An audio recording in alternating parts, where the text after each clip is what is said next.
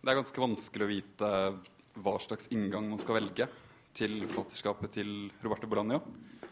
På slutten av 2000-tallet så eksploderte vel populariteten til Bolaño noen år etter at han døde. 50 år gammel i Spania. Oppdagelsen av det litterære universet til Bolaño har på en måte antatt en karakter som har lignet noe jeg har sett med andre nesten mer glemte forfattere siste årene. Uh, John Williams, Lucia Berlin, Clarice Lispector. Men det er kanskje et enda større omfang. Og det har vært på en måte nærmest et slags, i tråd med Bolanjo et slags detektivarbeid. Hvor man på en måte har lett fram, gravd i hele hans forfatterskap og forsøkt å finne ut det som ligger skjult, det som ligger glemt blant alle referansene.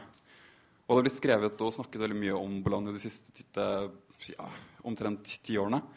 Um, så er vi kanskje så, bare så vidt i gang med å utforske et forfatterskap som er såpass komplekst, eller som er så rikt og på mange måter utømmelig. Uh, forhåpentligvis vil vi likevel komme litt nærmere noe av essensen i Bolaños forfatterskap i dag. Og begynne med et innlegg fra Kristina Solum om oversettelse og stilistiske variasjoner i forfatterskapet. Ja. Takk. Um, jeg skal snakke litt om um, noe som jeg kaller fiktiv oversettelse. Og det høres litt komplisert ut, men egentlig så er det vel noe så enkelt som at um, se, I all oversettelse som man leser, så er det en ekstra grad av fiksjon involvert fordi at um, Hvis jeg f.eks. leser en bok fra Mexico, skrevet av en meksikansk forfatter, på norsk, så godtar jeg at alt er uttrykt på norsk, svart på hvitt, i min bok. Eh, samtidig som eh, de romanfigurene som jeg leser om, liksom ikke kan norsk og sannsynligvis aldri har vært i Norge.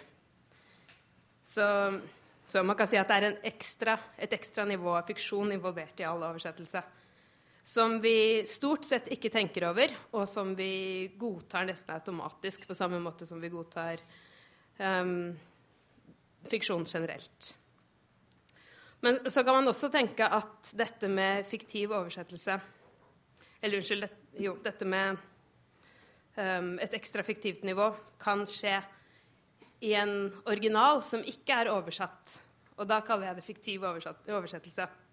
Så Um, hvis f.eks. Um, jeg hadde skrevet denne samme romanen på norsk, og uh, hovedpersonen var fra Mexico og var en person som ikke kunne norsk, så ville vi, så ville vi stått overfor et uh, tilfelle av fiktiv oversettelse. Så lenge, så, lenge den, så lenge, den, hovedpersonen ikke kunne norsk i romanen, så måtte man gå ut fra at på et eller annet nivå så var noe blitt oversatt.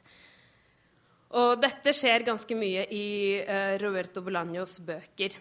Fordi selv om vi kanskje ikke tenker så mye over det når vi leser det, så er det mange av hans romanpersoner som kommer fra uh, Storbritannia, uh, ja, Storbritannia også, men USA, Tyskland, Østerrike osv., og, så og som det fremgår ganske tydelig av sammenhengen at ikke kan spansk. Likevel så har han skrevet disse personene fram på spansk. Så det er det ene som jeg vil snakke litt om. Og jeg tror at um, dette er noe som alle egentlig kan se når de leser Roberto Bolaños bøker, men man tenker ikke nødvendigvis over det. Og det er noe som jeg har tenkt en del over som oversetter. For, sannsynligvis fordi at jeg har kommet så nært på teksten. Og den andre tingen som jeg tenkte jeg skulle si litt om, som er relatert til dette, er eh, Roberto Bolaños egen variasjon uh, altså bruk av forskjellige typer spansk. Så et kjennetegn ved språket i Bolanjos bøker er uh, vekslingen mellom det man kan kalle regionale eller nasjonale varianter av spansk. Altså mellom f.eks. iberisk spansk og meksikansk spansk. Og dette ser vi f.eks. I, øh, i de store romanene hans, i 2666 og Ville detektiver. Der er det Når man leser de bøkene på spansk, så er det veldig tydelig at noen av uh, fortellerstemmene og noen av uh, romanfigurene uttrykker seg på meksikansk-spansk og bruker mye, veldig mye sånn meksikansk slang og sånn, mens andre bruker andre former for spansk, bl.a. spansk-spansk. Men man kan også forstå det når man leser Bolanio i oversettelse, fordi at uh, romanfigurene snakker om språket til hverandre. De snakker om hverandre spansk, rett og slett. Og så kan man se det i oversettelser, fordi de fleste oversettere, inklusive meg selv, som oversetter Bolanjo til andre språk, legger igjen noen markører, særlig når det er tekster som er, når det er stemmer som snakker meksikansk-spansk, sånn at man kanskje lar noen ord stå igjen i kursiv på meksikansk, fordi det meksikanske språket har en litt sånn særstilling i litteraturen til Bolanjo. Um, og hvorfor det har en særstilling, det vil forhåpentligvis bli klarere um, gjennom det jeg skal si i det følgende. Um, for å forstå hvorfor Bolanjo kan bruke så forskjellige varianter av det spanske språket så, på en så overbevisende måte, så må vi sannsynligvis gå til livshistorien hans. Bolanjo ble født i Chile i 1953 og døde i Spania i 2003. Altså bare 50 år gammel. Og I Chile bodde han bare til han var 15 år. Da flyttet han til Mexico, hvor han tilbrakte ungdommen sin bl.a. som ung poet og medlem av den poetiske gruppen Infrarealistene. I 1977, bare 24 år gammel, flyttet han til Spania. Og dette var også på et spesielt tidspunkt i Spanias historie, siden det var like etter Francos død. Så det hersket en frihetsfølelse i Spania som bl.a. avfødte en motkultur kjent som la movida, og som Bolanjo også til dels iscenesetter i bøkene sine og som nok satte på, preg på språket hans. Og så ble han boende i Spania, nærmere bestemt i Barcelona og i badebyen Blanes i Catalonia, til han døde 50 år gammel, som sagt. Og da hadde han visst siden 1992 at han led av en alvorlig arvelig leversykdom. Så Bolanjo hadde altså førstehåndserfaring med spansk fra i hvert fall tre land. og så I tillegg så hadde han et imponerende grep om ja, eller Særlig hadde han et imponerende grep om meksikansk og spansk slang. Det chilenske språket, eller den chilenske spansken, har han, sånn som jeg ser det, et litt mer angstpreget forhold til, og litt mindre lekent. Og ofte er de chilenske romansfigurene hans eksilchilenere som minnes språket sitt med en slags sånn skrekkblandet nostalgi. I tillegg så er Bolanjo ikke bare opptatt av å skape eller gjenskape det vi kan kalle dialekter eller sosiolekter. Han er også opptatt av å skildre hvordan språket reflekterer tankemåten til språkbrukerne. Og det ser vi f.eks. i hvordan han selv snakker om romanen 'Chilensk nocturne', i et intervju.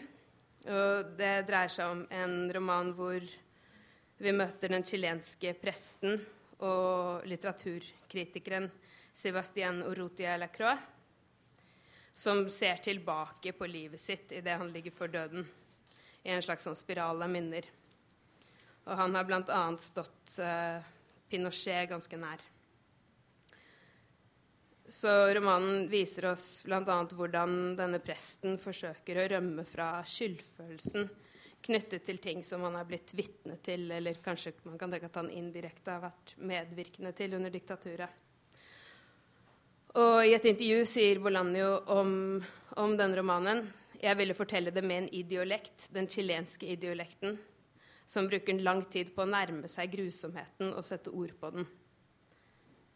Og dette ser han på noe som noe sånn uh, typisk ja, Noe spesifikt for den chilenske måten å, å, bruke språket til å tenke om ting på. For han sier um, For han sammenligner det med andre spansktalende land og sier at f.eks. hos Juan Rolfo, som er en meksikansk forfatter, uh, blant annet har skrevet, han har bl.a. skrevet den klassikeren som heter 'Hvor luften er klarest' på norsk. Rolfo gir oss grusomheten i én setning uttalt av en meksikansk bonde. Og i den spanske kanonen finnes det massevis av eksempler på det samme. Ja, så for å gå litt videre um, til andre, andre, bøker. I den korte romanen 'Amulett' iscenesettes en hendelse fra Mexicos historie, nemlig massakren i 1968 da hæren og politiet satte styrkene sine inn mot en fredelig demokratisk studentbevegelse. og anslagsvis drepte 300 personer. Her er fortellerstemmen og hovedpersonen en uruguayansk kvinne som har bodd mange år i Mexico. Og hun blander en del meksikanske gloser med et typisk uruguayansk spansk språk. Og det er også andre eksempler på at Bolanjo bruker spansk fra land hvor han ikke selv har bodd. F.eks. i novellen 'El gaucho insofrible', som kanskje kan oversettes som 'Den ulidelige gauchoen', hvor handlingen er lagt til Argentina. Og egentlig ikke fortellerstemmen eller, altså, Egentlig er, det, er, den ikke skrevet i første person, men hele fortellerstemmen snakker argentinsk-spansk likevel. Et unntak fra denne regelen om at de spansktalende figurene til Bolandio skriver på et spansk som kan knyttes til ett land, er de novellene og en roman som har Arturo Bellano til hovedperson eller fortellerstemme. Og det er altså Roberto Bolanios alter ego, som også er en av romanfigurene i 'Ville detektiver'. Bellano har en spansk som ofte karakteriseres som apatride på spansk, altså statsløs, kan man kanskje si. Og som blander momenter fra forskjellige land, og for så vidt også forskjellige registre. Så Arturo Bolano er Roberto Bolanios litterære iscenesettelse av seg selv, og det er litt vanskelig å skille de to figurene fra hverandre, den virkelige og den fiktive. Men eh, denne statsløsheten i språket passer godt med Bolanios egen uvilje mot å bli eh, betraktet som tilhørende én bestemt nasjonalitet. Og han minnes, altså Bolanio minnes ofte med sitatet 'Mitt fedreland er min sønn og mitt bibliotek'. I tillegg til dette så har Bolanio en rekke noveller og tekster skrevet på utpreget iberisk spansk, altså spansk fra Spania. Og som eh, ofte fortelles av eh, jeg-personer som er spanske. Det er ganske logisk. Eller, og da kommer vi til det som jeg syns er litt eh, interessant, så handler disse tekstene om eh, personer som på et fiktivt nivå ikke kan spansk. Altså fortellerstemmer fra land som USA, Tyskland, Østerrike, Frankrike, for å ta noen eksempler. Og det er det jeg kaller da eksempler på fiktiv oversettelse. Og det som, er, uh, som man kan legge merke til i originalen ved språket deres, er at de konsekvent uttrykker seg på utpreget spansk eller iberisk spansk. Og det er noe som man ikke ser i oversettelser, fordi da er jo, det er jo ikke relevant. Og det ligger i sakens natur at når teksten ikke lenger er på spansk, så kan man ikke få med akkurat den nyansen. Men jeg tenkte jeg skulle ta noen eksempler, og det gir meg også anledning til å nevne noen av uh, Bolanios bøker som i likhet med 'Amuletto', som jeg nevnte i stad, ikke er utkommet på norsk. I romanen 'El tercer Reich', 'Det tredje riket', er hovedpersonen en ung tysker ved navn Odo Berger, som er på ferie ved den spanske middelhavskysten. I denne personen er hovedpersonene fire unge tyskere som fordriver tiden med gjøremål som er typiske for unge sydenturister, som å gå på diskotek og drikke seg fulle og stekke seg i sola osv. Hovedpersonen, Odo Berger, er eh, bl.a. nasjonal mester i et krigsspill som jeg mener het, heter Det tredje riket. Og han har nazistiske eller rasistiske sympatier. Pluss at han holder seg litt for seg selv, og det er noe litt sånn uggent ved hele hans person og ved hele egentlig hele stemningen i hele boka. Um, I alle tilfeller så fremgår det av handlingen at han ikke er særlig god i spansk. Så han er da et typisk sånn eksempel på en, en, person som er konstruert på en troverdig måte på spansk og Bologna, men som ikke kan spansk.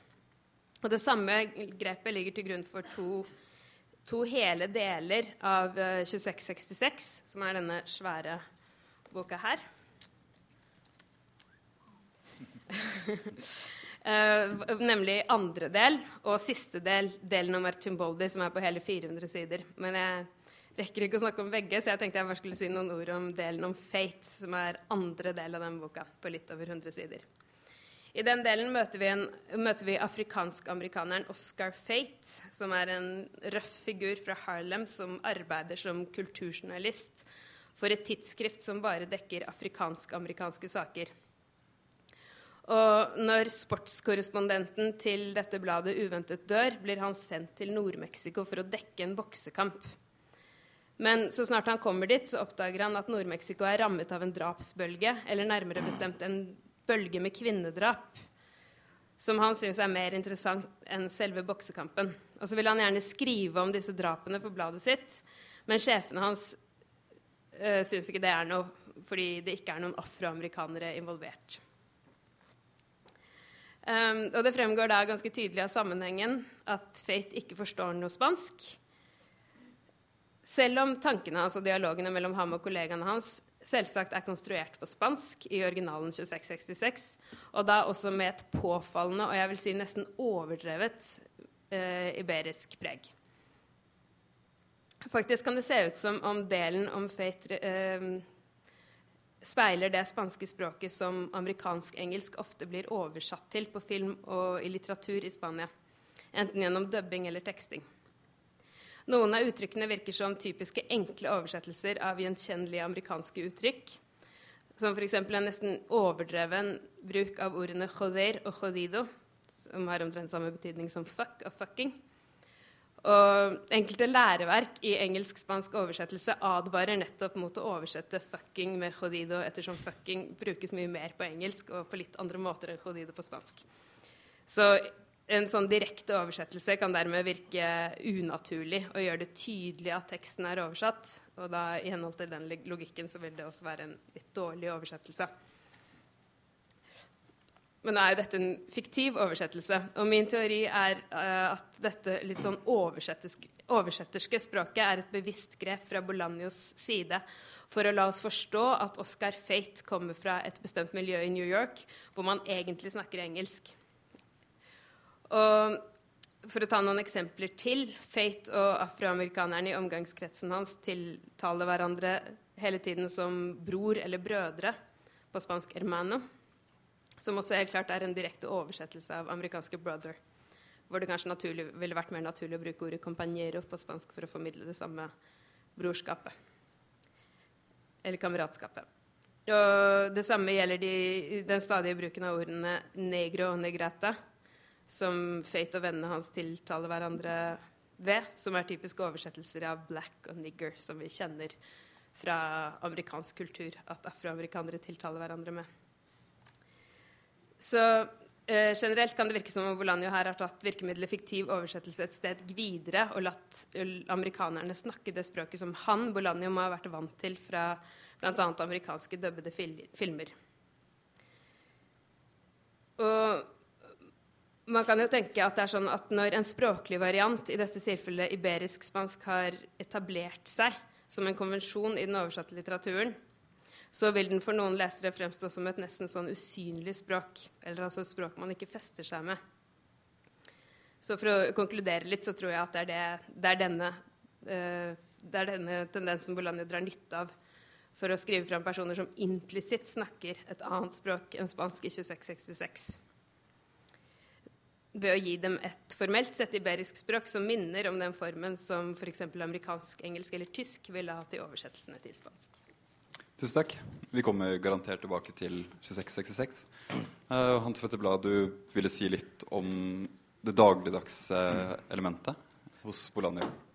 Ja, det var i hvert fall planen. Uh, jeg, uh, det var en stund siden jeg hadde vært borte i Bolanjo nå, og da begynner man å bla i bøkene og tenker ja, hva har man lyst til å si noe om dette forfatterskapet? Og en test ved et forfatterskap er jo gjerne hvor mye tåler det å på en måte utsettes for av hva skal jeg kalle det, betraktningsmåter. Og da var det vel et par-tre betraktningsmåter som jeg ikke hadde vært så mye opptatt av før, som jeg tenkte jeg kanskje skulle liksom inn, mer som en introduksjon til hva vi kan gå videre enn å dvele for mye med det, kanskje skal eh, si litt om. Eh, det første var eh, det dagligdagse.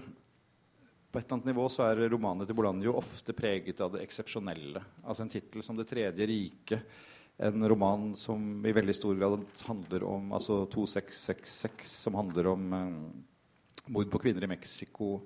Eh, altså feminicido, sier man vel, Kristina. Altså det, kvinnemordene. Det var jo tusenvis av kvinner som ble drept. Eh, Uh, en stjerne i det fjerne, som handler om en uh, nazistisk orientert seriemorder. Altså Alle disse tingene er veldig eksepsjonelle i sin natur, og de er ganske ytterliggående på mange måter. Han har også skrevet en bok som heter 'Nazilitteraturen i Amerika', som er et slags falskt leksikon over høyreorientert litteratur i, uh, i Latin-Amerika. Falskt og ekte. Sånn at det, finnes noe veldig ekstremt hos Bolanjo som er um, Særegen foran og som, gjort, som, er det man på en måte snakker om når man snakker om Bolanjo, Så snakker man om drapene, man snakker om eksilet, man snakker om Pinochet, den politiske virkeligheten, massemordene osv. Men så fins det et annet element som er eh, det som har jeg kommet til i denne lille nylesningen av Bolanjo, Det som gir, eh, gjør at dette gir en slags gjenklang og blir litteratur. Og det er eh, det dagligdagse. Og jeg skal lese et lite eksempel fra En stjerne i det fjerne på det, ja, det som man kanskje kaller det dagligdagse motivet. Mm. Det er, på siste siden av boka, nesten, men det er ikke så viktig, for det er ikke noe oppsummerende det er ikke noe spoiler her. Vi tok bussen fra Joré tilbake til Blanes og så toget til Barcelona. Underveis forsøkte Romero et par ganger å starte en samtale. Han skrøt av den virkelig moderne estetikken på spanske tog. Deretter sa han at det var synd at han ikke fikk anledning til å se Barcelona spille på Camp Nou. Siden Knut Ofstad oversetter og kjent Barcelona-tilhenger er blant publikum, så vil jeg si at det er ikke noe tragedie å ikke ha sett Barcelona på Camp Nou. Eh, jeg sa ingenting eller svarte med enstavelsesord. Jeg var ikke humør til å snakke. Jeg husker at det sett gjennom togvinduet var en vakker og rolig natt. På noen stasjoner kom det på grupper av gutter og jenter som gikk av på neste stasjon som om det var en lek. Sannsynligvis, sannsynligvis skulle de på det lokale diskoteket. Billig og i nærheten av der de bodde. Alle var mindreårige, og noen hadde utseende som unge helter. De virket lykkelige. Senere stanset vi ved en større stasjon, og en gruppe med arbeidsfolk som kunne ha vært foreldrene deres, kom på. Og enda senere, men jeg er ikke sikker på når, kjørte vi gjennom flere tunneler, og en av jentene hylte da lyset i vognen gikk. Da tittet jeg bort på Romeros ansikt. Igjen Det var det samme som alltid. Til slutt, da vi kom til Plaza Catalunya, begynte vi å prate. Jeg spurte hvordan det hadde vært. Sånn som slike ting alltid er, sa han. Vanskelig. Og slike ting er jo en forferdelig grusom ende på en helt utrolig grusom historie. Sånn at det, sånne små episoder, ta et tog, lage kaffe, sette på en kopp te, finnes det masse av som står i en sånn grunnleggende dyp kontrast til alle disse grusomhetene som skjer. Et annet element som slo meg som eh, underskrevet og verdt et studium, er eh, beskjeftigelsen med det man kunne kalle camp-kulturen. Og Komisk nok så var jo Susan Sontag en av de som virkelig var en slags ambassadør for Bolanjo i USA spesielt. Og det var vel med gjennombruddet i USA at Bolanjo virkelig ble en slags sånn litterær verdensstjerne. Han fikk store priser i Latin-Amerika før det, men når Susan Sontag liksom fikk øynene opp for han, så skjedde det et eller annet, og han ble ja, verdensstjerne. For å bruke det litt forslitte uttrykket. Og Hvorfor ble Susan Sontag så fascinert av Bolanjo? Uh, han tilhører en kultur som er ganske macho i sin altur. Han er opptatt av uh, Hva skal jeg si ja, uh, Borges, altså ganske klassisk amerikanske tematikker. Men så fins det også dette andre som er det campe. Og det campe har jo mange uttrykksformer. og er, ja, det handler jo hos Susan Sontag Det var noe underskrevet da hun skrev on camp. Det handler om en følsomhet som har med overdrivelser, med det falske og med det uekte å gjøre.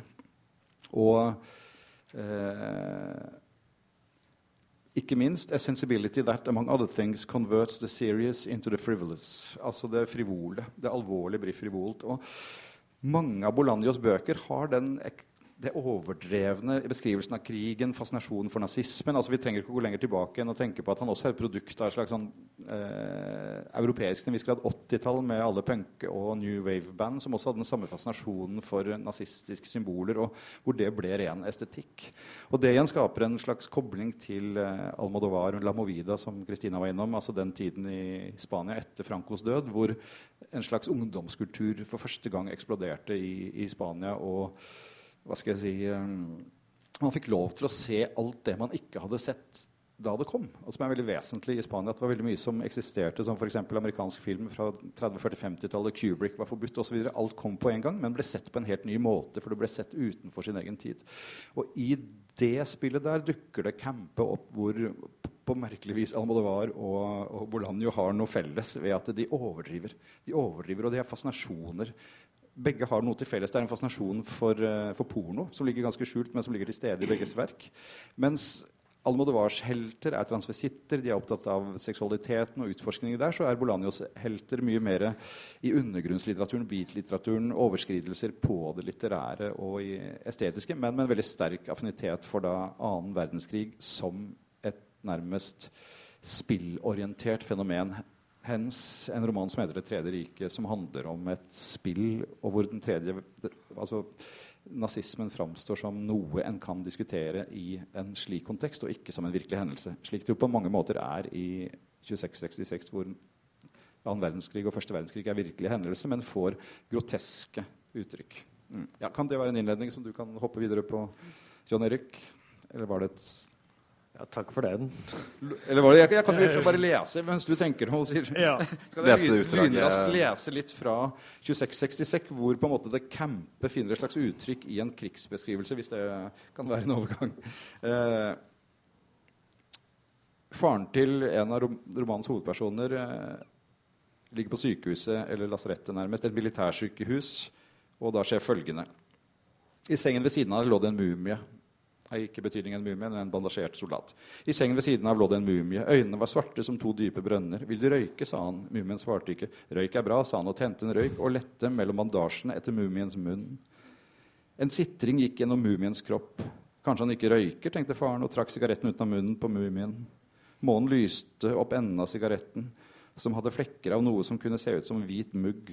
Deretter førte han nok en gang en førte han den nok en gang inn mellom leppene på mumien, samtidig som han sa 'røyk, røyk og glem alt sammen'. Mumien slapp han ikke med blikket. Kanskje tenkte han 'er det en gammel feltkamerat som kjenner meg igjen'? Men hvorfor sier han ikke noe? Kanskje han ikke kan snakke, tenkte han, og plutselig begynte det å sive røyk ut mellom bandasjene. Han koker, tenkte faren. Han koker, han koker. Så dør denne stakkars Munium av røyking. Ironisk nok, kan man kanskje si. ja. Ja, Jan Erik, er du, er du blitt ja. noe klokere nå? Ja. Um, det var fine innlegg. Jeg, jeg, tenkte jeg skulle snakke om Bolanjo fra en litt annen innfallsvinkel, kanskje. Um, men berøre litt disse to tingene. Og fascinasjonen min for forfatterskapet, og særlig da 'Chilensk nocturne' og 2666, som er mine favoritter, og som jeg gjenleser fra tid til annen, den begynte med noe som ofte går under navnet den maksimalistiske romanen, eller begrepet um, 'The Systems Novel' er også brukt. Og det er disse gigantromanene som man særlig har mange av i amerikansk litteratur. Uh, Thomas Pynchon og David Foster Wallace er to veldig typiske eksempler på det. da. Og, men man kan også nevne Peter Nadas fra Ungarn, uh, kanskje Krasjnor Kai fra Ungarn. Um, Fløks, Kjartan Fløgstad i Norge kan være et eksempel på det samme. Um, og jeg begynte å lese disse forfatterskapene pga. 'Infinite Jest' av David Foster Wallace. Og, og, den romanen var en åpenbaring, men også en veldig sånn vanskelig og lang reise. Um, og etter hvert så begynte jeg å lure på hvorfor, hvorfor jeg er så glad i disse bøkene som nesten faller fra hverandre idet man prøver å nærme seg en slags forståelse av dem.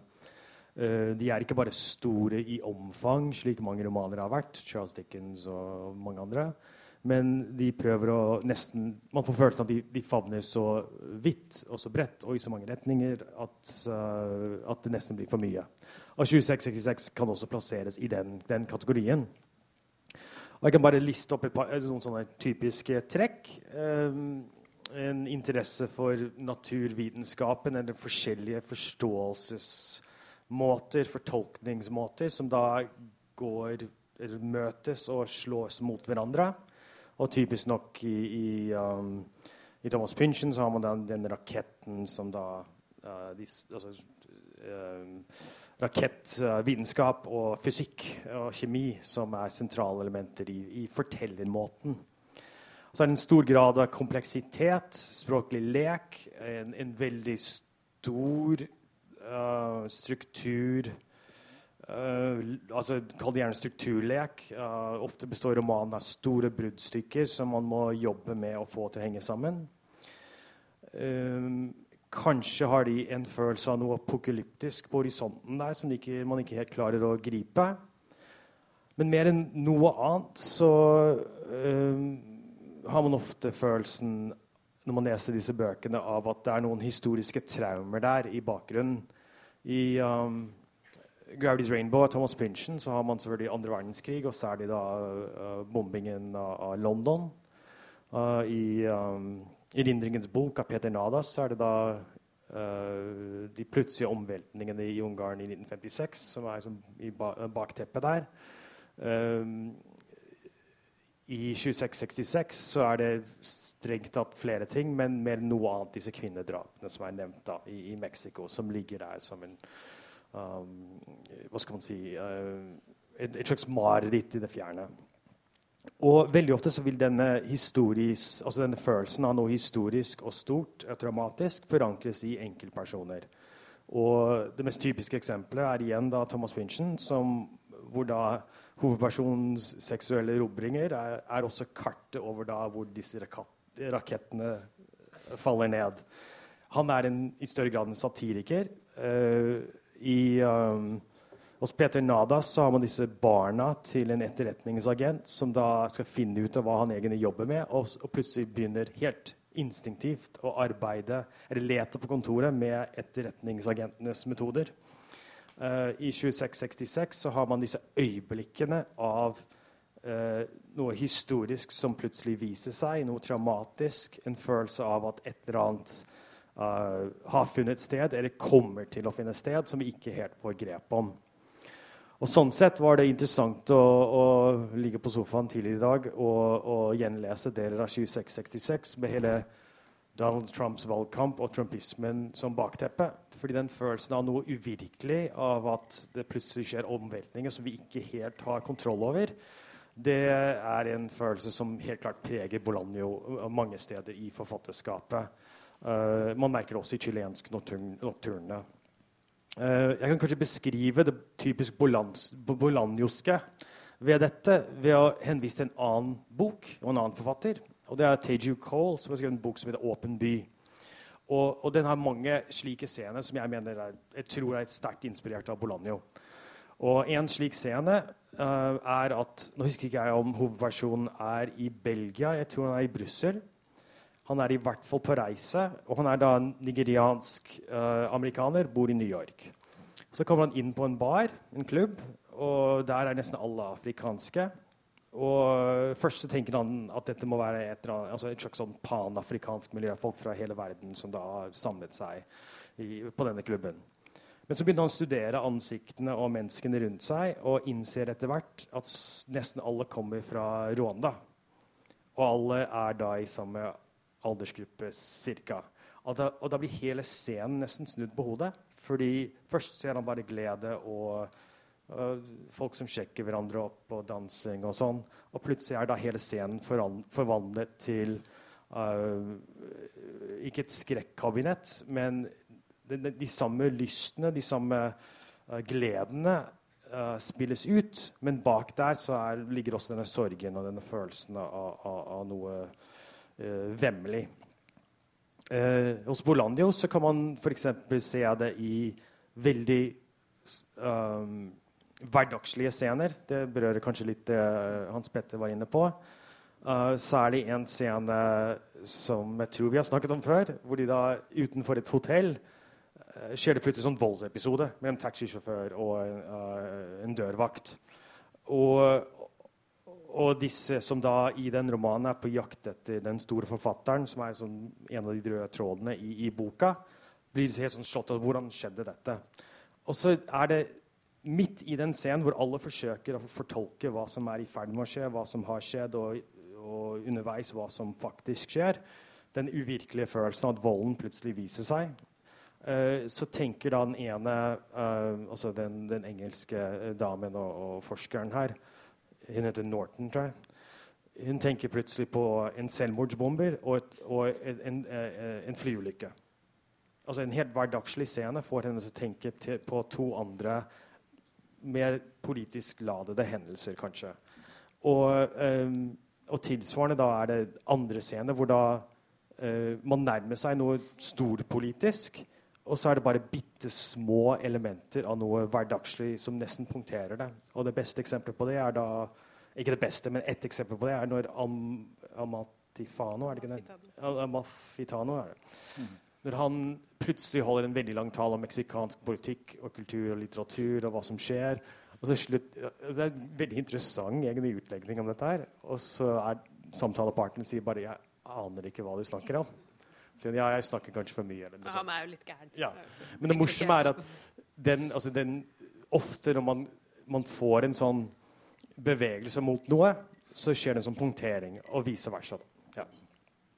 Um, jeg tror jeg bare slutter der. og Takk. Ja.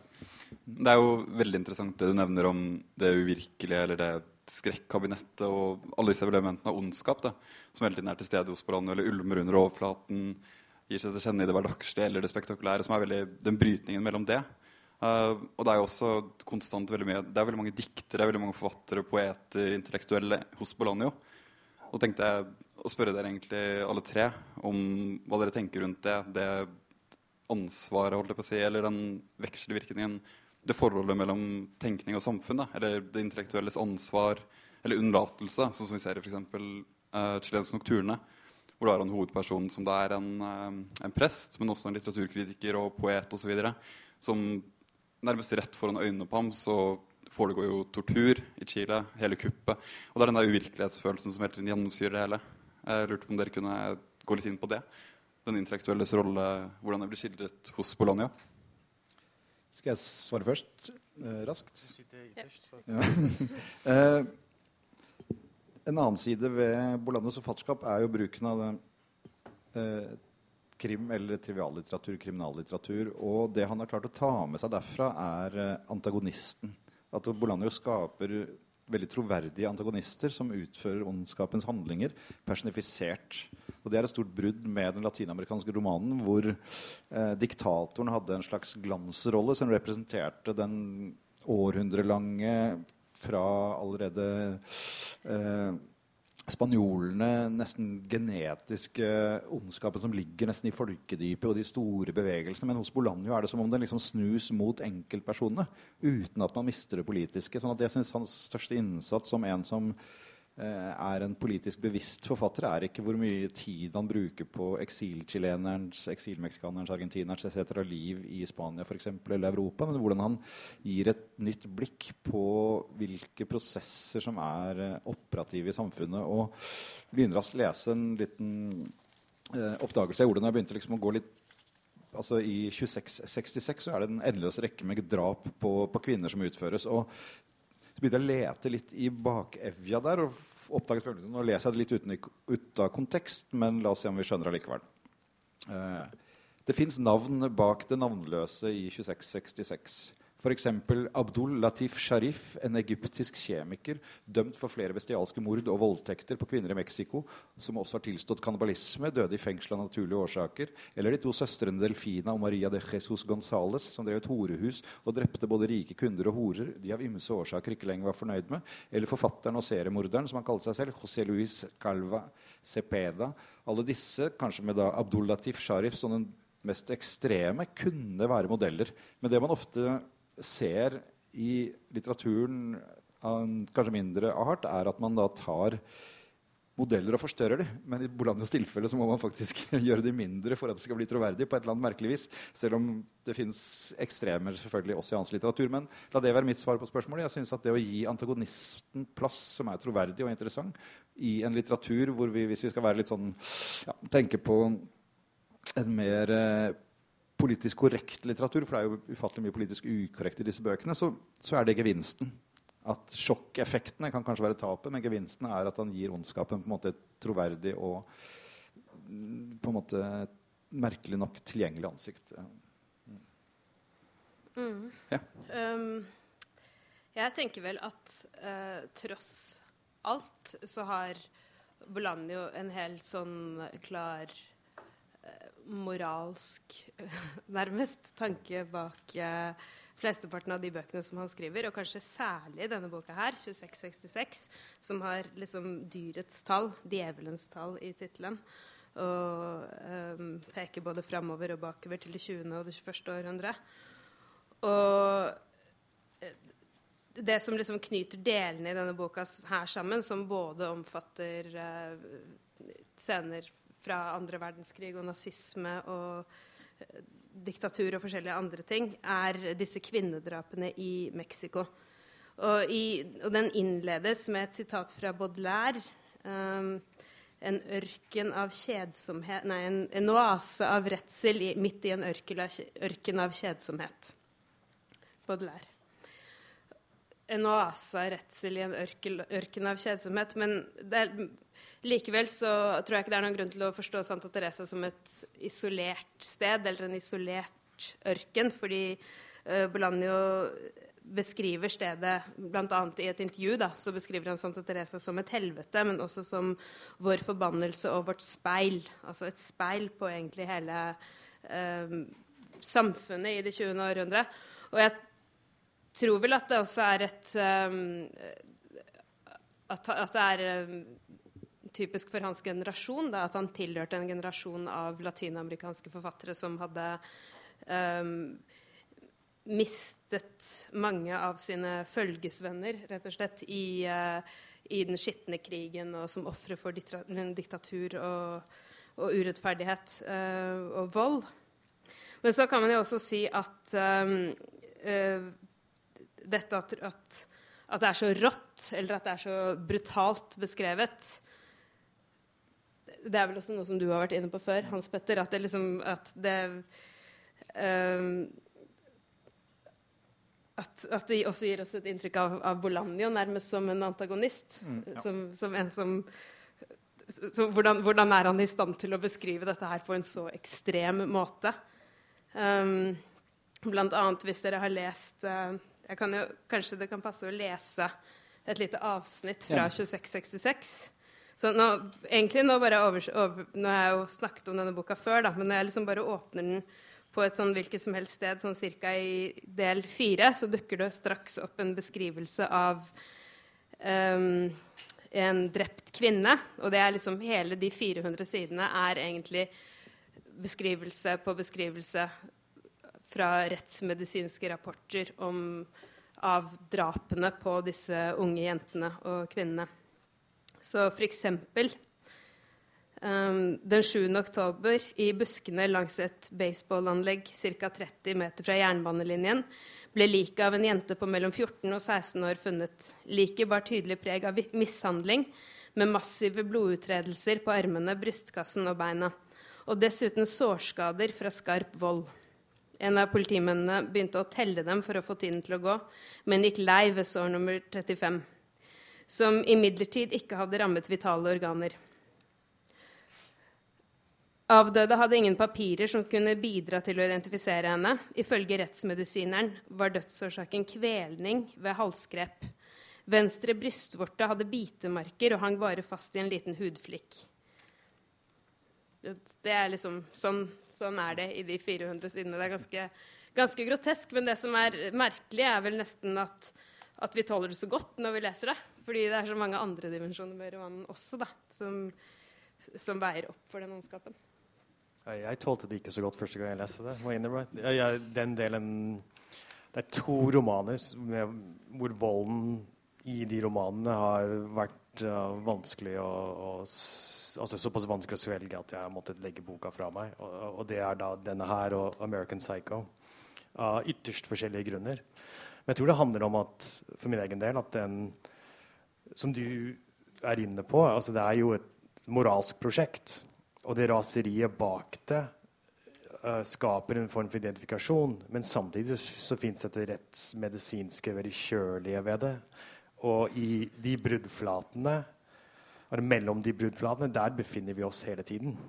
Uh, om vi da leser en reportasje i avisen, eller hva det måtte være. Men han får det frem på en, en måte som, er, som oppleves som relevant.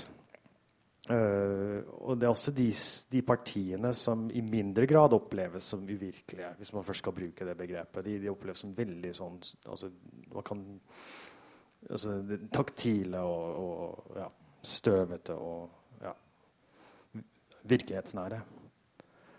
Uh, men nå, Du spurte egentlig om litteratur og hvordan, altså hva dette ja, så Hvis jeg kan prøve å vende tilbake til det ja.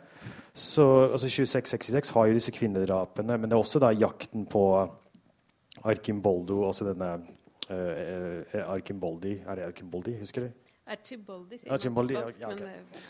men han er, han er, en stor forfatter og en slags sånn Thomas Pynchon-skikkelse. Ingen vet hvem han er. og ja og, og, og den begynner da nesten som en sånn dårlig vits. altså En, en spanjol, en franskmann, en brit og en italiener møtes.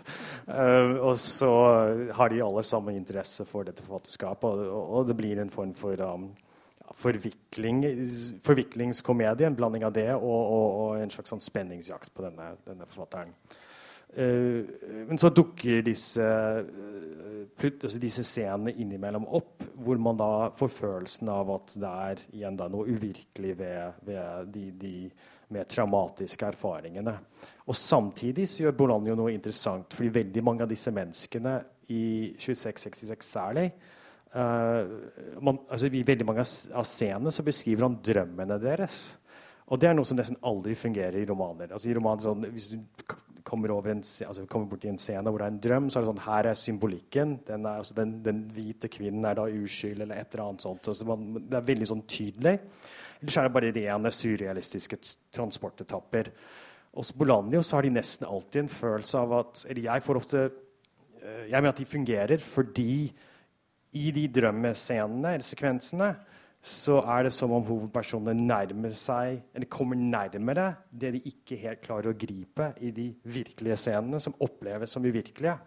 Og Derav kommer da den, den følelsen av, av, apokalypse, av noe som er i ferd med å rakne fullstendig, som da kvinnedrapene blir da uh, Jeg vil ikke bruke ordet symbol, da, men et, et eksempel på. Um, og uh, igjen da jeg lå og leste disse bøkene igjen, bladde frem og tilbake, så merket jeg at Hans Petter, du var inne på hvordan altså en bok altså Når du utsetter den for forskjellige lesemåter, så opp, viser du da hvor sterk eller rik den boka er. Uh, man kan si noe tilsvarende at når man ser da opplever noe i virkeligheten og tenker tilbake på den boka. Ikke fordi da det man opplevde i virkeligheten, er helt lik det man har lest i boka, men fordi da erfaringen av å oppleve det ligner på erfaringen av å lese den. Da kommer man også ganske nær storhet i litteraturen. Og disse scenene En sånn scene jeg har sett fra det amerikanske nyhetsbildet, som har fått meg til å tenke på Bolanio, er eh, disse, um, denne veltingen av jødiske altså disse gravsteinene, jødiske gravlønner, som dukker opp her, så dukker det opp der. Så blir det en, en, en bombetrussel på det jødiske senteret i den byen. Den føles at et eller annet er i gang, men vi, får ikke helt sånn, vi skjønner at det har med antisemittisme å gjøre, og med alt-right og med Trump, men det er som om det er noe sånn organisk som vokser frem. Og en tilsvarende scene fra øh, mine egne erfaringer. Jeg var ute i ørkenen i, i USA, uh, som er veldig sånn bolaniosk landskap, egentlig. Uh, ned mot den meksikanske grensen. Og så begynte jeg å bli fascinert av alle disse korsene langs veien som markerer der folk har dødd i en trafikkulykke. Uh, så jeg begynte å fotografere dem, tok bilder av dem. Så var det ett kors som var veldig sånn forseggjort, uh, med masse sånn bamser og blomster og ting som hang fra, siden, fra begge sider. Så gikk jeg bort, så noterte jeg navnet, jeg tok bilde forfra. Så går jeg bak og så ser jeg til min forbløffelse at bak korset så er det et hakekors som er montert. Og like til venstre der, under en busk, så er det da en, en sånn jernplate hvor har, noen har malt da 'The 14 Words', som er sånn høyekstremt uh, slagord. Eh, så på den ene siden så er da dette da helt, et vanlig kors som er et uttrykk for sorg. Og, men på den andre siden så har man denne vemmelsen. Og det er en sånn typisk bolanisk erfaring. og det er Noe av det som gjør at jeg stadig vekk vender tilbake til disse bøkene. Takk. Eh, jeg tenkte i utstrekning av det når det gjelder det med ondskap og 2666 Kan man på en eller annen måte si, hvis man leser den som et slags jeg vet ikke, et testamente, på en måte, eller et slags postskript? Eller kan man lese den som et slags endelig oppgjør med også Bolanus eget forfatterskap? At det er en slags at han ser tilbake på sin egen romantisering av forfattere, av diktere, av intellektuelt liv. Og på en eller annen måte feller en slags dom. Han er mer ambivalent, han er mer usikker på Det er et veldig sterkt element av satire i den romanen, selvfølgelig. Men også en mer jeg vet ikke, tilbakevendende fornemmelse av at de har ikke så veldig mye å bidra med. Du ser jo f.eks. de fire akademik akademikerne som reiser til Santa Teresa. Uh, han ene franske Pelletier blir, begynner å ta opp i seg noe av den masochismo-kulturen uh, som Bolanjo skildrer fra Latin-Amerika. Han begynner å snakke et enklere språk. Han blir mer kvinnefiendtlig. Og så har du også han eh, filosofiprofessoren som da Bolanjo skildrer at blir gal i del tre. Som ikke klarer å gripe etter noe intellektuelt. Han begynner å henge opp eh, en bok på en klessnor og får ingenting ut av det. Eh, det tørner helt for han, og han begynner å skrive opp diagrammer med navn til ulike filosofer, Heidegger, Aristoteles, men han kommer ikke noe videre med det. Så jeg lurer på hva dere tenker rundt det, om det er en slags ja, en dom da, fra Bolanjo over seg selv eller over intellektuelt liv generelt. Har han mistet tiltro eller håp på en eller annen måte med den romanen? Ja, nei, tja, vel um, Det er ikke håp i det. uh, altså, det, grunnen, altså, jeg leser det mer inderlig. Altså, jeg har alltid opplevd de uh, intellektuelle forfatterne, også når de er helt absurde og komiske og, og, og dumme, som uh, mennesker man identifiserer seg med. I hvert fall jeg gjør det. jeg tenker at det, veldig mye av 2666 handler om forsøket på å gripe og forstå hendelser og energier og bevegelser som er veldig vanskelig å få, få grep om. Mm. Og da blir da forfatteren i den boka, som lever da helt fra 1920 og, og langt ut i uh, til den perioden hvor da disse andre søker etter han i Santa Therese, eller prøver å finne han, uh, og gjennomlevd alle disse omveltningene og epokene. Og, og, og, blir da en av oss, en av de mange som forsøker å gripe historien på et eller annet vis. Ikke de som fører altså Pinochet dukker jo opp i, i, i chilensk nocturne. Ikke de som nødvendigvis bestemmer og beslutter hva som skal skje, men alle de andre som prøver å gripe etter hvorfor skjedde dette. Hvorfor endte han opp på den siden? Hvorfor endte jeg opp her? Hvorfor klarer ikke jeg å beskrive dette på en måte som gir mening, osv. Jeg tar nok Bolanjo på ordet. Altså, I det siste intervjuet Bolanjo ga, så sa han følgende Jeg skulle gjerne vært detektiv, drapsetterforsker, mye heller enn forfatter. Det er jeg helt sikker på. En snut fra drapsavdelingen, en som kan komme alene tilbake til åstedet om natten og ikke la seg skremme av gjenferdene. Og det er et hva mener han egentlig med det? Jo, det er et veldig sterkt element av fortolkning som foregår i hele Bolandios forfatterskap. Det begynner, Man begynner jo som leser. De fleste skrivende begynner jo som lesere. Man er en ihuga leser og fortolker verken man har for seg. Og så leser man de store modernistiske verkene for å ta en veldig sånn kjapp linje som er altfor rask, naturligvis, men kan fungere her allikevel. De store modernistiske prost så fortolker subjektet i bøkene virkeligheten for deg på et veldig komplekst språklig nivå. Men så er det som fortolkningen forflytt, har forflyttet seg gradvis hos Bolanjo fra vår lesemåte av teksten. Tekstene blir enklere og mer transparente. Og fortolkningen utføres i selve boka. Altså det, veldig Mange av bøkene hans handler om folk som fortolker virkeligheten, fortolker tekster eh, på den eller den eller den måten. Slik at den detektivhandlingen som utføres i, i, i hans tanker om hvem han egentlig skulle ha vært, den skjer jo av veldig mange av karakterene. Alle er ivrige fortolkere av virkeligheten. slik at vi blir et slags sånn dobbeltfortolkere som leser. Vi leser en veldig tilgjengelig tekst om en helt utilgjengelig verden og en helt utilgjengelig virkelighet, hvor vi trenger å gå i kompaniskap med fortelleren for å forstå virkeligheten. Og det gjør han til veldig interessant, for vi kommer veldig tett på hverandre eh, i, gjennom fortolkningen. Slik jeg tolker det. Mm. um, ja. Uh, skal vi se, Hvis jeg forsto spørsmålet ditt riktig Om, det, om, om Bolanio ble Hvis du fortolket det riktig. hvis jeg fortolket det riktig. Om han er blitt desillusjonert, om denne boka er et oppgjør med noe som han har slått for før, kan man si det sånn. Um, jeg tenkte jo sånn uh, Ville detektiv, f.eks., som har et mye sterkere element av romantisering og ja. ja. Bolanio har jo i utgangspunktet et veldig romantisk forhold til litteraturen. Eller han har denne fortiden som en sånn hippiepoet eh, som leste alt. De som kjente Bolanjo, eh, sier at det var helt umulig å introdusere ham for noe nytt, fordi han hadde virkelig lest absolutt alt, samme hva det kom med. Så på en måte så har han denne, dette romantiske forholdet til litteraturen, men samtidig så har han det ikke, og han sier det også ganske eksplisitt i mange av bøkene sine at uh, det, det, er uh, et bedrageri, egentlig, liksom den uh, forestillingen om at du kan bli lykkelig ved å være en uh, fattig poet uh, osv. Det har vel uh, Jeg vil vel tro at det har litt å gjøre med at han har blitt desillusjonert også. Eller at han, han, var nok en person som uh, møtte mye motgang i livet siden han gikk så hardt inn for skrivingen. Og um, av forskjellige andre grunner, fordi han uh, var innvandrer i et nytt land osv. Um, og i tillegg så har du jo også hele, hele hans generasjon har vel også et, uh, for så vidt et desillusjonert forhold til uh, marxismen og til deres politiske bakgrunn og sånt også, så noe av det finnes det jo. Um, men uh, men bare desillusjonert klarer jeg liksom ikke helt å se Bolanjo. Han er for ambivalent, eller han er for uh, uh, han, han, han, er nesten for fandenivoldsk eller for sånn ironisk til å liksom gå helt inn i en sånn desillusjonering, tror jeg. Um, ja. Kanskje jeg kan lese et lite fragment som illustrerer det med all tydelighet. Uh, i, i, 'En stjerne i det fjerne', som Kristine har oversatt sammen ved tilfeldighetenes tilfeldigheter, er det en uh, karakter som heter Delorme, vaktmester og tidligere fremmedlegionær, hvis jeg ikke husker feil, som har en særdeles usympatisk take på hva det vil si å lese. Og det blir jo på en måte en slags ironisering over det vi har snakket om med fortolkning og lesing som kunst. Uh, en slags, han tilhørte en liten gruppe, en yttergruppe, som kalles de barbariske forfatterne i dette verket.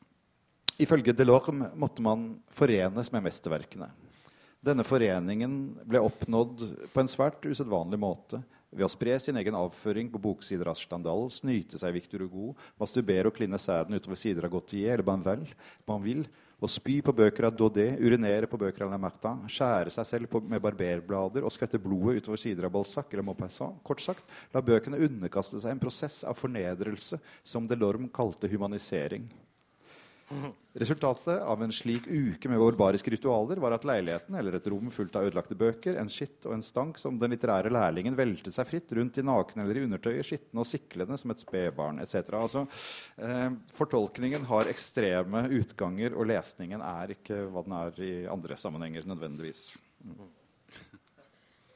Men jeg synes det er interessant at han sier at han også har en, en sånn sympati for uh, de sånn nazistiske romanfigurene som han beskriver egentlig både i 'En stjerne i det fjerne' og i den boka som heter 'Nazilitteraturen i Amerika'. At han, liksom, han gikk så langt inn i det å beskrive uh, forfattere som uh, jeg, jeg, tror ikke at han ønsket å beskrive dem som dårlige forfattere. Jeg er mulig vi har snakket om dette før, at vi er litt uenige. Men jeg, jeg, han, han, skriver en bok som er et sånn oppslagsverk over nazistiske forfattere.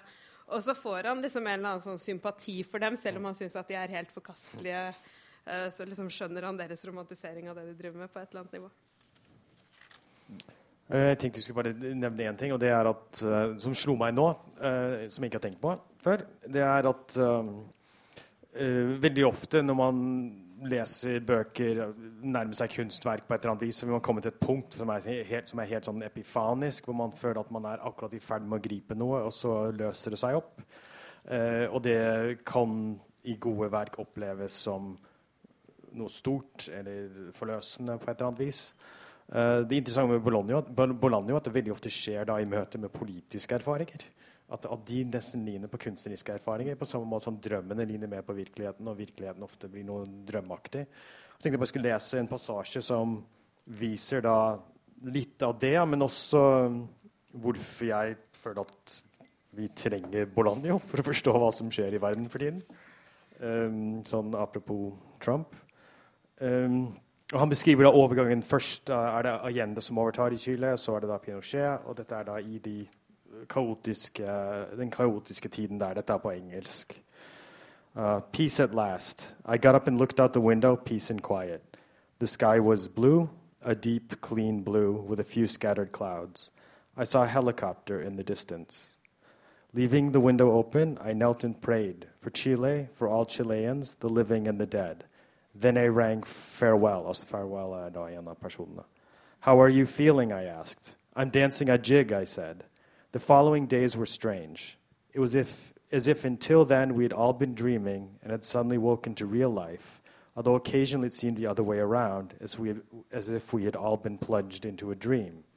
And we went on living day by day in accordance with the abnormal conventions of the dream world. Anything can happen, and whatever happens, the dreamer accepts it. Movement works differently. Bedre beskrivelse av den siste måneden i USA skal man lete lenge etter. Takk. Jeg tror vi begynner å nærme oss eh, slutten. Men jeg tenkte før vi runder av og åpner for spørsmål, så kunne vi gå litt uh, kort inn på ja, litt konkret hvilke forfattere Bologna har latt seg inspirere av, og hos hvilke forfattere vi kan se spor av Bolaño i dag? Det er også et ganske åpent spørsmål. Det klassiske er jo Borges var jo hans store og på en måte ja, solen i det Bolaños univers.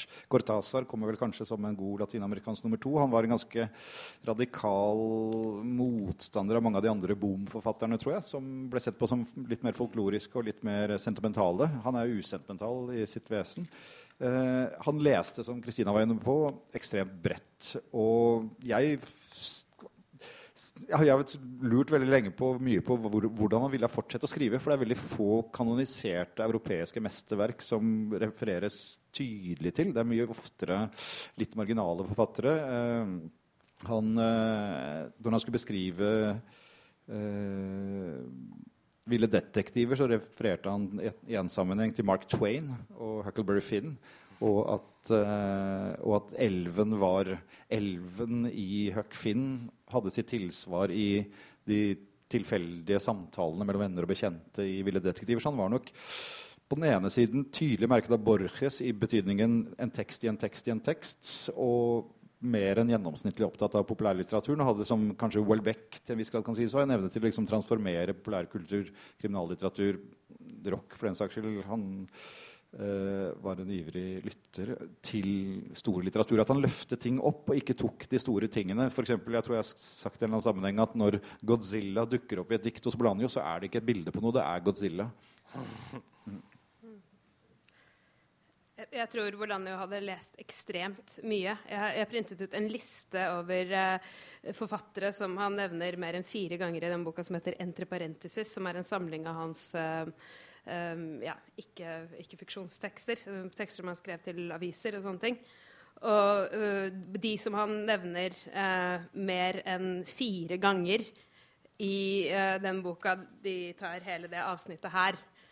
Og, så det er, det er, veldig mye name-dropping i bøkene hans. Da. Men det er helt klart at han hadde lest At han var veldig belest i fransk, særlig lyrikk. De franske surrealistene, symbolistene. Um, og at han um, Og ja, beat-generasjonen var nok viktig for ham. Populærlitteraturen, som uh, Hans Petter har vært inne på. Um, og når det gjelder det andre spørsmålet ditt, som var hvem som har blitt påvirket av Bolanjo, så tror jeg også at der blir uh, svaret veldig bredt. For jeg tror det er nesten alle. Jeg tror ikke at, du, at du kommer unna Bolanjo hvis du er en spanskspråklig samtidsforfatter i dag.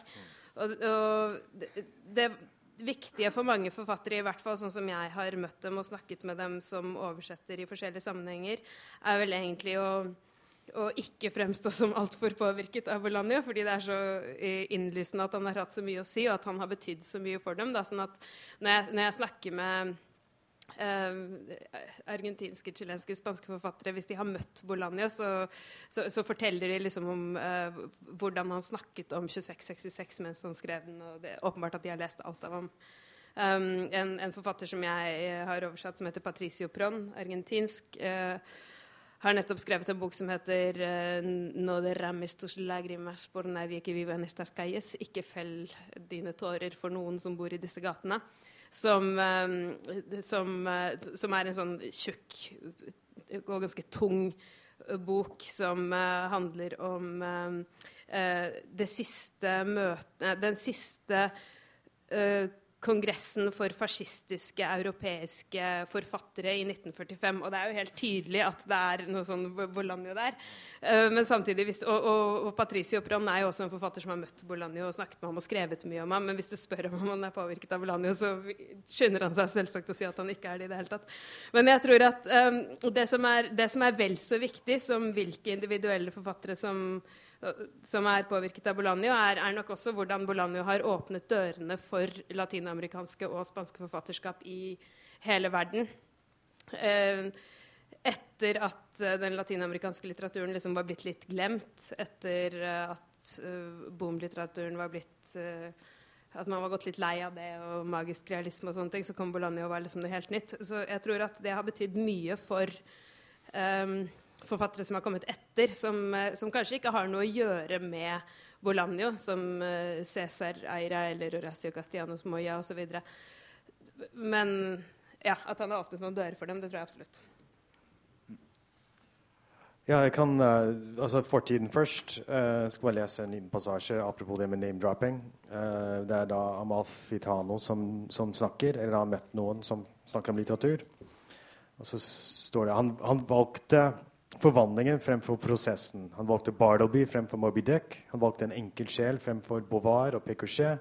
Og en julefortelling fremfor to byer eller Pickwick-klubben. Hvilket forstemmende paradoks, tenkte Amalfitano. Nå til dags våger ikke engang opplyste farmasøyter å gi seg i kast med de store verkene, de ufullkomne, voldsomme verkene som åpner vei inn i det ukjente. De velger de store mestrenes øvelser i perfeksjon. Så der er en slags poetikk i det. da. Uh, så det er åpenbart når man leser bøkene hans, at det er voldsomme mengder med litteratur som bare røres rundt. Når, det gjelder da Uh, hvem man har påvirket. Også I Norge så er det altså Pedro Carmona Alvarez har jo sagt at han begynte å skrive prosa. Eller fikk lyst til å skrive prosa nettopp pga. Bologno. Uh, men jeg synes kanskje de, de eksemplene jeg nevnte før, med Teju Cole, eller en forfatter amerikaner som Ben Lerner altså, Selv om de ikke skriver som Bologno eller lager verk som Bologno, så har de denne evnen til å bore inn i sånne små gjenstander, eller finne frem til små gjenstander som åpnes opp og representerer noe stort. Apropos den, den bar-scenen fra Brussel. Så der har da Bolandio Han har ikke funnet opp disse redskapene, men han har gitt dem et annet alvor og, og gitt forfatteren en mulighet til å leke med dem på en annen måte, kanskje. Uh, som jeg setter pris på. Ja, jeg tror kanskje vi lar det bli stående som siste ord. Og åpne for kan jeg legge ned veto mot det og bare legge til noe? Jeg kan i og for seg forme det som svar på et uuttalt spørsmål fra publikum. Og det spørsmålet kan da eventuelt være er det noen forfattere som ikke er nevnt. Er det noe som Bolanjo selv har skjult? Kan noen da tenke seg å spørre? Så kan jeg svare ja. Det tror jeg det er. Eh, jeg lurer på om ikke Guy de Bord, den franske merkelige filosofen, er underkjent som inspirator for Bolanjos virke. Og hvis man tar, prøver å sette et begrepspar som en ledestjerne for Bolanjos tekster, så er det jo det som heter recuperation i de Boers tenkning, er da hvordan radikale ideer omformes til trygge forbruksvarer.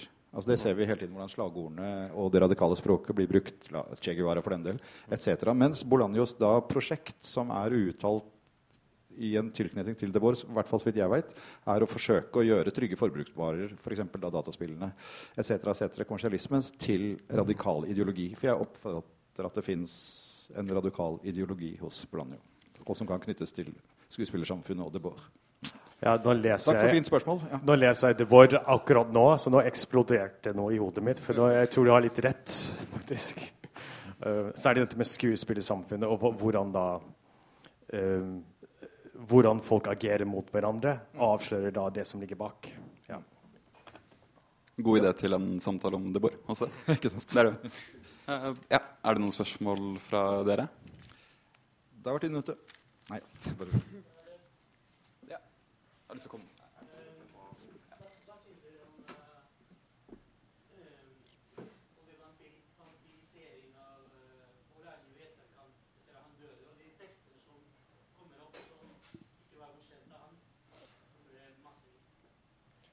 Du mener postume tekster som han ikke hadde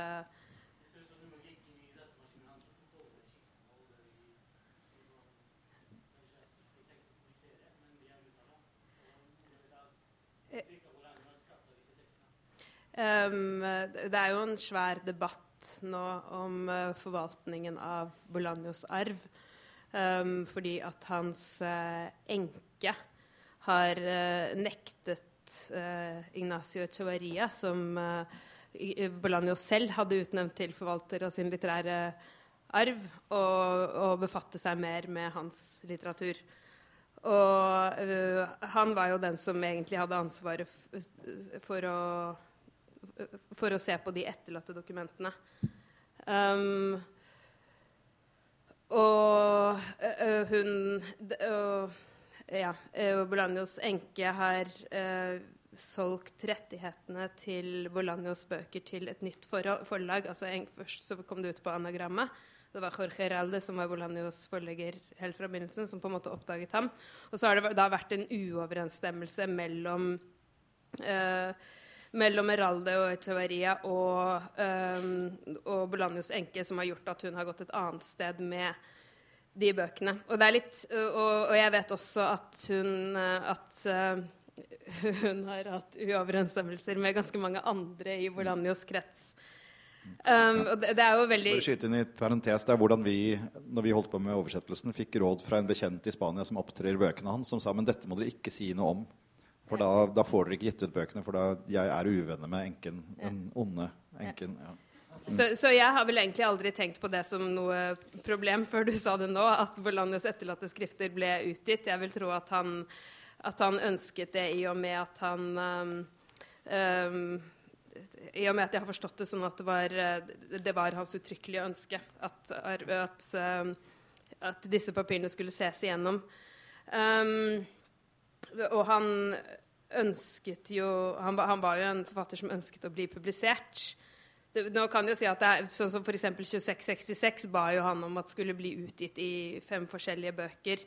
Um, men det i siste øyeblikk så, da, så kom de til at det var bare noe han, altså at det var liksom en sånn siste liten beslutning som han hadde tatt fordi at han visste at han kom til å dø, og han begrunnet det selv med at da ville de selge bedre, sånn at det ville sikre hans barns fremtid bedre, mens Bolanjo selv alltid hadde snakket om at han ville skrive en stor bok som skulle gis ut sammen. Så der gikk man imot hans ønske på det punktet. Men ifølge, ifølge det som eh, Både det som jeg kan se av hans postume bøker, og det som de tidligere forvalterne av arven hans sa, så ble det gjort veldig lite med Altså, man redigerte bøkene til Bolanjo ganske lite. Og det syns jeg at jeg også kan se på en sånn bok som dette her, fordi det er noen logiske brister i det. Og det står i etterordet til Chawaria at de har nesten ikke endret på noen ting. Så jeg tenker at de, de, logiske bristene som står igjen, er nesten et bevis på at man ikke har tuklet for mye med det.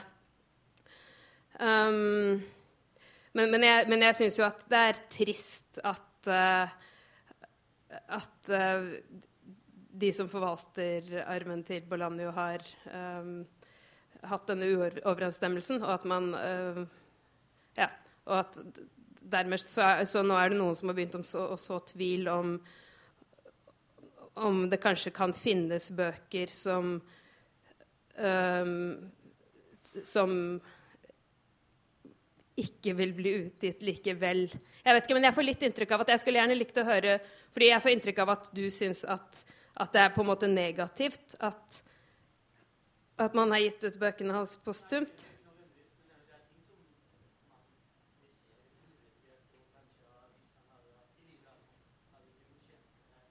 Ja. Men uh, ja, uh, det kan man jo si. Men samtidig så sa jo Bolanjo selv eh, eksplisitt at han uh, i større og større grad dyrket en sånn uredigert stil.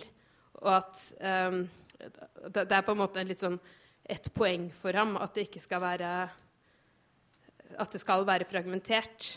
I, i 2666, for eksempel, det er jo en posthumbok, så, så der hadde det jo vært masse debatter om den er så fragmentert fordi at den er uferdig eller om den er så fragmentert fordi Bolanjo ville det.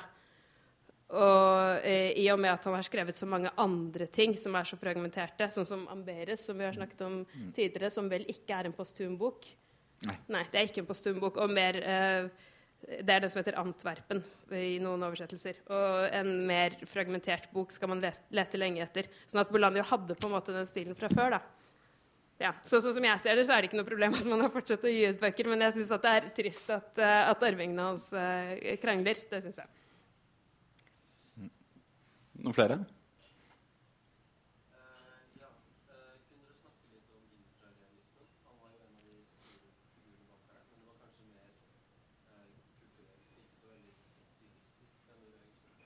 Eh, det var, var en de kaller det en avantgardistisk bevegelse, eller en sånn slags dada-bevegelse. Og, og Bolanjo var nok en viktig figur i den bevegelsen. Og jeg vet at han som medlem av infralialistene utga ja, en diktsamling, flere gjendiktninger fra engelsk og fransk bl.a., og skrev for forskjellige, um, forskjellige tidsskrift. Um, og jeg har inntrykk av at det var uh, Dere får supplere, dere andre. Jeg har inntrykk av at det var en, um, en sånn rebelsk hippiebevegelse, og at uh, Roberto Bolaño og hans kamerat Mario Santiago Papaschiaro, som kalles Ulises Lima i den boka som heter 'Ville detektiver', hadde det med å terrorisere, terrorisere diktopplesninger for uh, etablerte forfattere og sånn, og dukke opp og ja. Um,